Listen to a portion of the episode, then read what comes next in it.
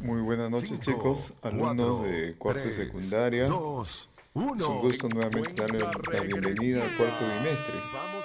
En este cuarto bimestre pues todos ustedes ya saben que deben ya quemar sus últimos esfuerzos. Cada uno sabe en su conciencia cómo ha desarrollado el primer, segundo y tercer bimestre. Alumnos, con el mejor deseo, eh, deseo de que tu responsabilidad, tu trabajo, tu esfuerzo sea coronado con, con el desarrollo de todas las competencias, ¿no? Las competencias que desarrollamos se expresa oralmente, lee diversos tipos de textos y escribe diversos tipos de textos. Y en las clases, tu asistencia, tu participación, tu envío de evidencias van a permitir que pues tus, logros ya eh, sean como tú desees. El logro esperado, ¿no? no inicio, no en proceso, sino el logro esperado.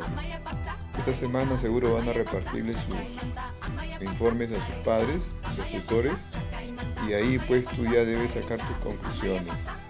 Están en cuarto año de media y espero pues que este, esta, esta última etapa, este, este último partido, como lo pueden, si lo llamamos deportivamente, priorices tus estudios, no solamente en mi curso en comunicación, sino en los demás cursos.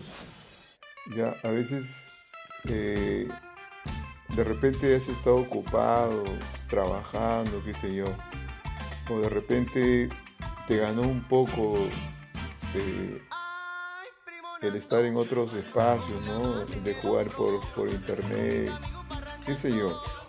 Pero este último bimestre toma el compromiso de querer hacer todo el esfuerzo necesario y donde las competencias que vamos a desarrollar tú puedas llegar al nivel de logro, logrado, no inicio, no proceso. Eso te va a ayudar para no tener dificultades en, en el área de comunicación.